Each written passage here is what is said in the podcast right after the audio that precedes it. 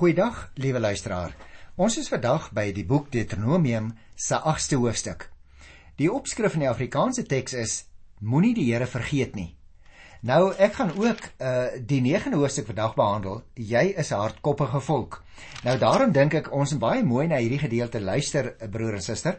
Ek gaan die eerste 5 verse van Deuteronomium 8 eers behandel en dan gaan ons vinniger die, die res van die hoofstuk en ook hoofstuk 9. Kom ons teken die prentjie. Want ek dink, liewe luisteraar, jy sal saamstem as ek vir jou sê, Moses was sekerlik die grootste leermeester van die Ou Testament. En op 'n dag, so vertel hierdie hoofstukke nou vir ons, op 'n dag roep hy die volk in die woestyn bymekaar. Hy hou die boeke van die verbond voor hulle oop. En dan sê hy vir hulle, luister na vers 1. Jy moet elke gebod wat ek jou vandag gee gehoorsaam en daarvolgens lewe dan sal jy bly lewe, baie word, die land ingaan en dit besit neem soos die Here met 'n eed aan jou voorvaders beloof het. Het jy opgelet? Gehoorsaam elke gebod en lewe daarvolgens. Maar behalwe die opdrag, het jy opgemerk luisteraar, gee hy daarmee saam vir hulle drie beloftes. Dan sal jy bly lewe. Jy sal baie word. Jy sal 'n nuwe land ingaan en dit in besit neem. Met ander woorde, lewe 'n nageslag, 'n land. O ja, as hulle lewe volgens wat die Here van hulle verwag, dan sal hulle geseënd wees in die toekoms. En juis daarom word hulle opnuut opgewek om die Here se gebooie een vir een te gehoorsaam. As jy en ek nou sou vra nou maar wat beteken dit nou vir ons wanneer dit staan in die Bybel, dan dink ek dat jy en ek moet onthou dat ons juis in hierdie tyd elke gebod wat die Here vir ons in sy woord gee, met groot erns moet betrag. Ons moet dit gehoorsaam, ons moet daarvolgens lewe. Dan sal ons bly lewe. staan hierso. Ons sal baie word. Ons sal geseën wees in die land waar ons is. Dit beteken miskien nie op die manier wat jy en ek dit graag sou wou hê nie. En daar moet ons ook te midde van die omstandighede wat soms oor ons kom, die beproewings noem Jakobus dit in die Nuwe Testament. Dit beskou as Ons is soms in die toetslokaal, liewe medegelowige. Daarom moet ons nie net krities en sinies kyk na dinge wat rondom ons gebeur wat ons nie verstaan nie. Dit bly steeds ons opdrag om aan die Here gehoorsaam te lewe. En soms bring hy ons in die toetslokaal sodat ons ook net weer hand so bietjie in eie hart kan steek. Luister na die tweede vers. Jy moet onthou hoe die Here jou God 40 jaar lank vir jou in die woestyn gelei het. Hy het dit gedoen om jou nederig te laat word. Dis interessant, hè? Hy het dit gedoen om jou nederig te laat word en om jou op die proef te stel sodat hy kan weet wat jy dink en of jy sy gebooie sal gehoorsaam of nie. Verstaan jy nou hoekom ek nou nou vir jou gesê het, luisteraar, die Here bring ons soms in die toetslokaal. Hy wou hierdie mense laat nederig word.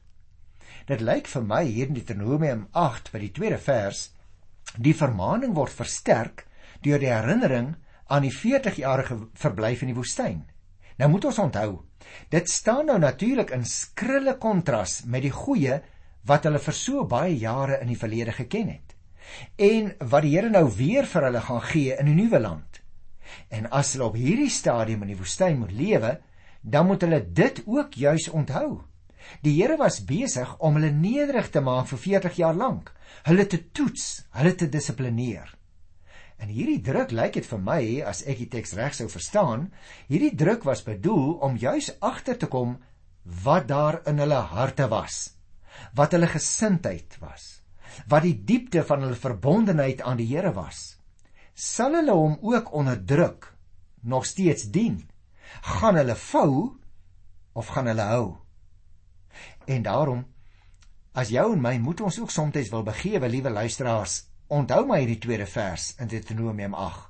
Onthou die goeie tye in hierdie mooi land waar die Here vir ons geplant het. Onthou hoe goed vir ons gesorg het in die verlede. En as ons nou ons rieme moet dunner sny, as ons soms wonder oor môre, onthou dat die Here besig is om dalk ook vir ons nederig te maak, ons op die proef te stel, sodat hy kan weet wat ons dink en of ons sy opdragte uitvoer of ons gehoorsaam is of nie. O, ek wil sê is die Ou Testament nie wonderlik ook vir ons ter sake nie, juis op hierdie stadium in ons geskiedenis, liewe broer en suster. Luister na die derde vers. Die Here het jou laat swaar kry, laat honger ly en toe met manna gevoed, iets waarmee nog jy nog jou voorvaders bekend was. Hy het dit gedoen om jou te leer dat 'n mens nie net van brood lewe nie, maar dat hy leef van elke woord wat uit die mond van God kom. Jy sou natuurlik kon vra en waaruit het die dissipline waarmee die Here hulle getoets het bestaan? En nou antwoord die derde vers vir ons die vraag: uit swaar kry en uit honger. Maar jy moet oplet, liewe luisteraar. Die Here het ook midde in die woestyn, midde in die toets van swaar kry, nie vir hulle gelos nie. Nee, nie hy die sluise van die hemel oopgemaak en vir hulle manna gegee. Onthou jy nog manna? Wat is dit? Die Hebreëse woordjie. Want sien, luisteraar, dis mos eers wanneer 'n mens die van selfsprekende begin ontbeer dat jy weer leer om op God te vertrou. Die voorsiening, o ja, dit was 'n wonderwerk daar in die woestyn. Ja, maar ook dit was meer. Dit was ook 'n onderwysing om uit die hand van God te leer lewe. God sorg. En daarom moet jy nie die swaar wat soms oor jou en my kom, soms oor hierdie land met swaar druk op ons lê, sommer net ignoreer nie. Want dit is juis in die benouende omstandighede dat die Here vir ons op soms op 'n bo-natuurlike manier sorg. Onthou jy Matteus 4 vers 4 en Lukas 4 vers 4 sê die grootste leermeester van alle tye 'n mens leef nie net van brood nie, maar van elke woord wat uit die mond van God kom. En hier kry ons dieselfde uitspraak in die Ou Testament nou. Moenie op Moses, moenie op enige skepsel, moenie op enige president of dominee vertrou nie, vertrou in die laaste instansie op God want God sorg en daarom hy laat baie keer vir jou en vir my ook swaar kry liewe luisteraar. Duisende mense ly selfs honger baie kere maar net soos wat die Here vir Israel manna of manna nê uit die hemel gegee het het hy mos ook weer op 'n goeie dag die deur van die hemel stad vir hulle oopgemaak. Dit oopgemaak en vir ons 'n man gegee, man met 'n hoofletter.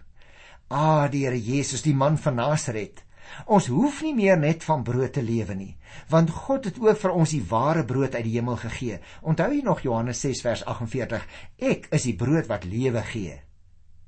En wie luisteraar, dit het God gedoen juis om vir jou en vir my te leer dat ons nie net van brood kan of hoef te lewe nie maar dat ons lewe van elke woord wat uit die mond van die lewende God kom, dat ons lewe op grond van en deur die Here Jesus Christus wat ons ware brood is. En luister nou na vers 4 hier in Deuteronomium 8. Jou klere het in die 40 jaar nie versluit nie en jou voete het nie geswel nie. Dit is dus lyk dit vir my baie belangrik dat Moses vir hulle as dit ware weer diep onder die indruk bring van hoe konkreet die Here vir hulle gesorg het. Hy het nie net vir hulle gesorg in die wete dat hy hulle harte aangeraak het nie. Nee.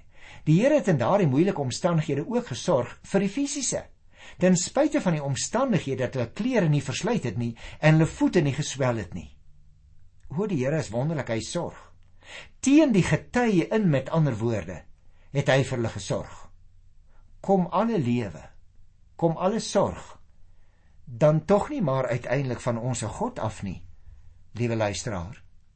Al moet jy en ek dalk selfs in ons daaglikse omstandighede die rieme al dunner leer sny. Al voel ons soms asof ons besig is om onder te gaan onthou, ons is nie toetslokaal. En belangriker is dit, God sorg. Vers 5 sê jy moet diep in jou hart weet, soos 'n man dissipline by sy seun kweek, So het die Here jou God vir jou dissipline geleer. Met ander woorde, Deuteronomium 8 vers 5 en is, is in 'n sekere sin 'n gevolgtrekking. Soos 'n man dissipline by sy seun kweek, so het die Here jou God vir jou dissipline geleer. En dit moet hulle diep in hulle harte bære, wil ou Moses vir hulle sê. God sorg in elke opsig. En juis deur sy dissipline is hy besig om vir hulle te sorg. So is hulle ook voorberei vir die groot verantwoordelikheid wat op hulle gewag het in die nuwe land en in hulle nuwe omstandighede.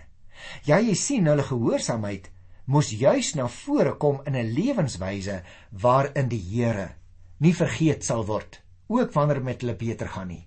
Juis in hulle spesifieke omstandighede moet hulle steeds hulle verbondenheid aan die Here bly onthou, moet hulle steeds hulle vertroue op die Here stel. En daarom is dit belangrik dat ons dit ook in ons eie situasie sal toepas, hierdie gevolgtrekking elke dag, liewe luisteraar.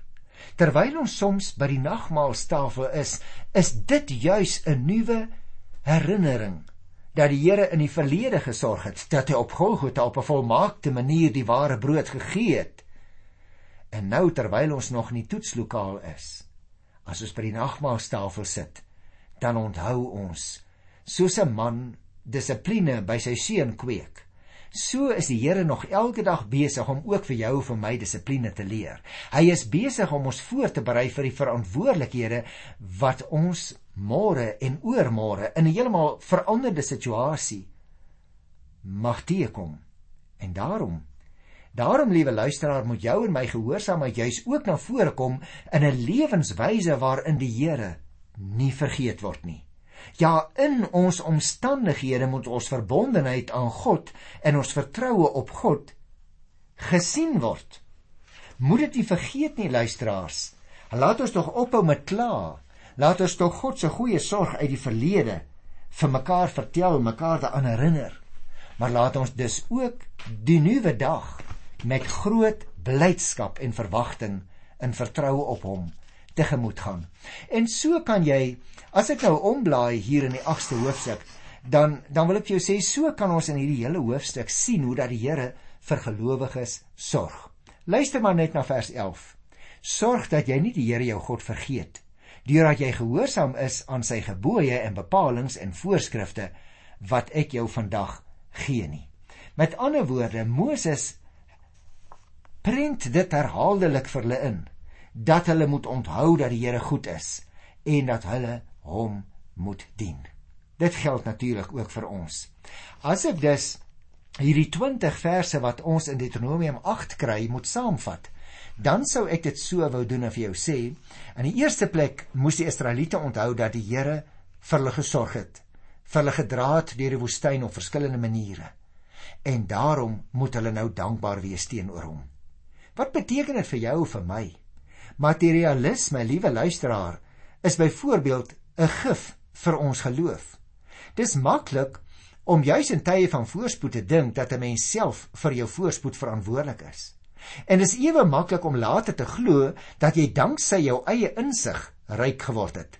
Dis nog makliker om so besig te raak met jou eie lewe en met die bestuur van al jou welfaart dat God later heeltemal uit jou lewe en wêreld verdwyn. Ons moet egter onthou dat dit hy is wat ons met oorvloed seën. Dat alles wat ons het, ons van hom ontvang het. En daarom moenie in jou oorvloed van die Here vergeet nie, hoor. Anders sal jy uiteindelik alles wat jy het mag verloor. Kyk maar weer in Deuteronomium 8 by die 19de vers. Onthou dan ook dat al die kosbare dinge in die hele wêreld, naamlik jou verhouding met God en die ewige lewe, gratis is. Gebruik jou besittings liewer om minder bevoorregtes te help en nie net aan jouself te dink nie. As ons nou by die 9de hoofstuk kom, dan is dit interessant. Dis presies die teenoorgestelde wat ons Hosea 8 gekry het. Die opskrif daarvan is selfs jy is 'n hardnekkige volk. As ek 'n oorsig mag gee oor hierdie gedeelte. Dit lyk vir my, liewe luisteraar, deur die herinnering aan hierdie dinge wat in Hosea 9 staan, word die volk opnuut vermaan tot egte gehoorsaamheid en toewyding. In verskillende aspekte kom na vore Eers word die verowering van die beloofde land in die vooruitsig gestel in die eerste 3 verse met die herinnering dat dit gebeur deur God se genade, deur sy guns, nie omdat hulle enige iets verdien het nie. Mens kry dit in vers 4 tot 6.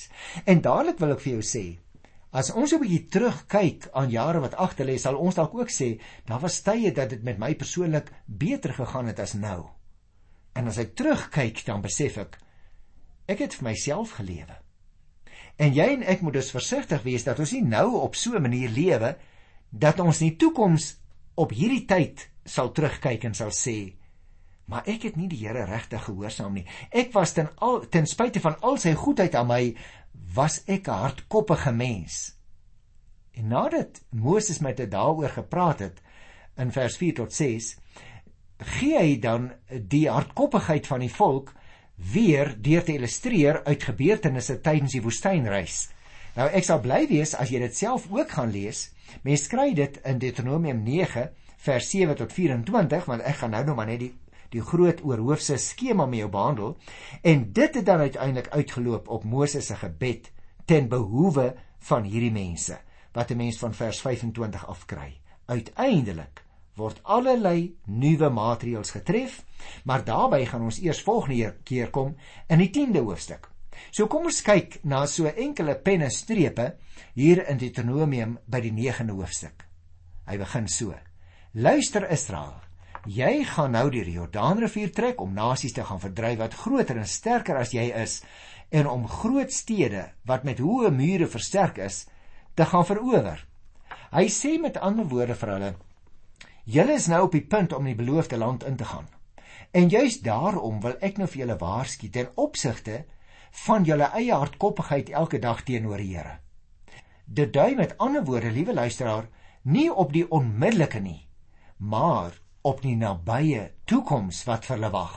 Hulle is besig om gereed te maak om deur te trek. Die nasies teen wie hulle gaan veg is groter en sterker as hulle en daarom word hulle nou juis opgeroep. Word daar 'n prentjie geskets van hoe hulle nie moet lewe nie. As jy in die Bybel kyk, die Afrikaanse teks, hoofstuk 9 in Deuteronomium van die 7de vers af, dan sien daar 'n nuwe opskrifie sien: die sondes van die volk. Kom ek haal so een of twee daarvan uit en dan toets ons ook ons eie lewe daaraan. Kyk na vers 7. Moenie vergeet hoe julle die Here julle God kwaad gemaak het in die woestyn nie. Vandat julle uit Egipte weggetrek het totdat julle hier op die plek aangekom het, was julle die hele tyd in opstand teen die Here.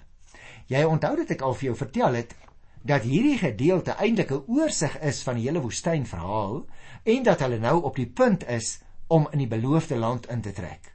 Hulle omstandighede gaan heeltemal verander. En nou word juis hulle hardkoppigheid van die verlede deur Moses aan hulle voorgehou.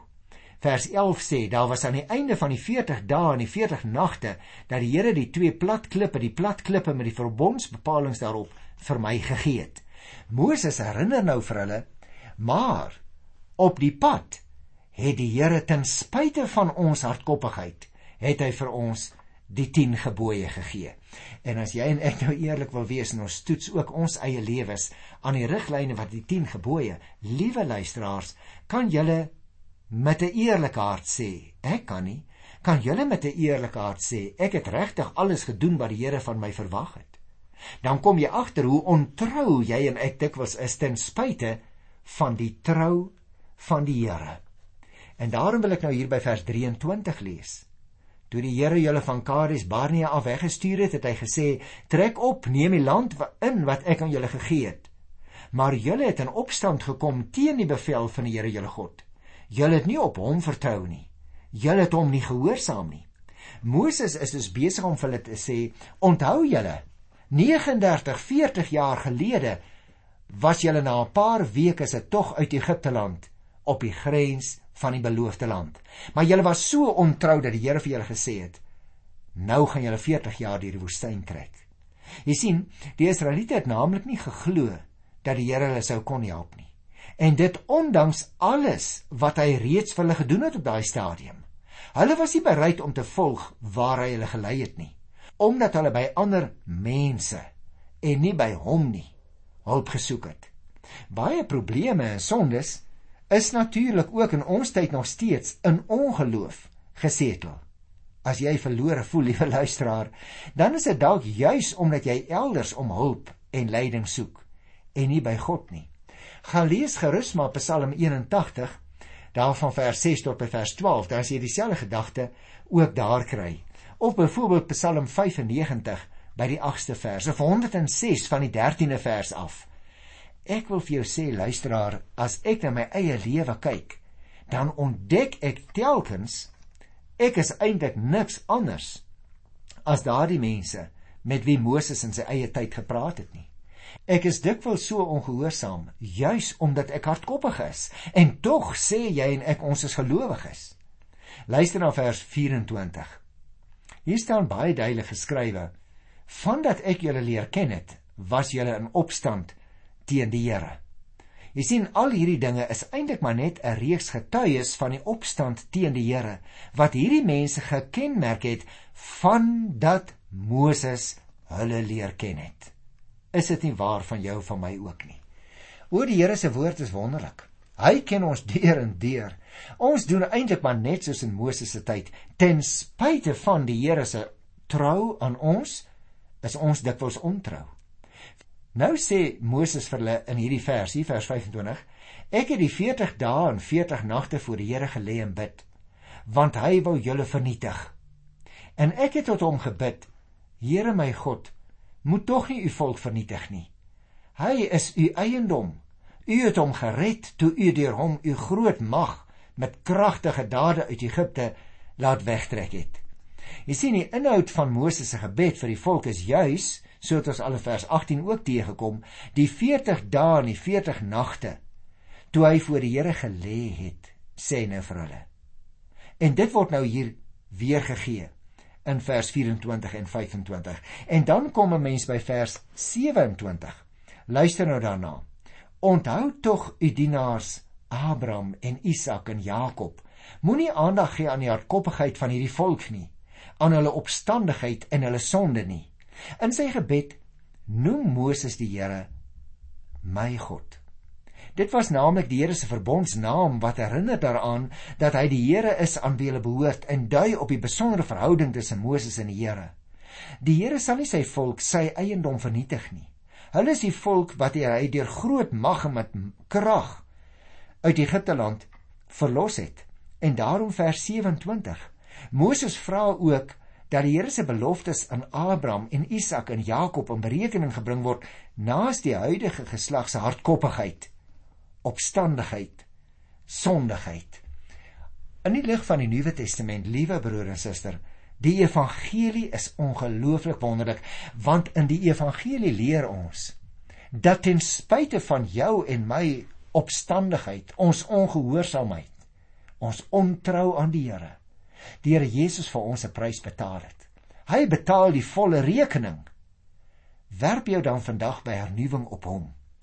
Neem jou toevlug na hom toe, nie omdat jy dink jy's vroom en regverdig en opreg nie, maar juis omdat jy besef alhoewel ek 'n kind van die Here is, is ek nog steeds dikwels ongehoorsaam, ontrou en in opstand werp jou op Jesus Christus want hy het die prys betaal. Luister na vers 28. Waarom moet die mense van die land waaruit u ons laat trek het sê omdat die Here nie die Israeliete kon bring in die land wat hy hulle beloof het nie en omdat hy hulle haat, het hy hulle laat wegtrek om hulle in die woestyn om die lewe te bring. Hulle is tog u volk, u eiendom wat u deur die groot mag met kragtige dade laat wegtrek het. Nou liewe luisteraar, Dit is ons nou presies wat die Here Jesus Christus vir jou en vir my kom doen het. Hy het vir ons betaal aan die kruishout van Golgotha sodat ons kon wegtrek in die vryheid wat hy vir ons verwerf het aan die kruis. En daarom moet ons nie lewe soos gister en eergister nie. As ons dus ons toevlug na hom geneem het, dan moet ons opstaan Nadat ons aan sy voete gekniel en gebid het en ootmoed en skuldbelydenis, dan moet ons opstaan en dan moet ons 'n nuwe lewe gaan lewe wat hy vir ons moontlik gemaak het. En daarom wil ek jou juis op grond van Deuteronomium 8 en 9 vandag oproep. Kom terug na die Here uit jou ontrou en jou opstand. Neem jou toevlug na Jesus Christus want hy het vir jou en vir my betaal. En kom. Kom ons lewe dan hierdie nuwe lewe in die vryheid waarmee Jesus Christus vir ons vrygemaak het. Tot volgende keer. Groet ek jou in sy wonderlike naam. Tot dan. Totsiens.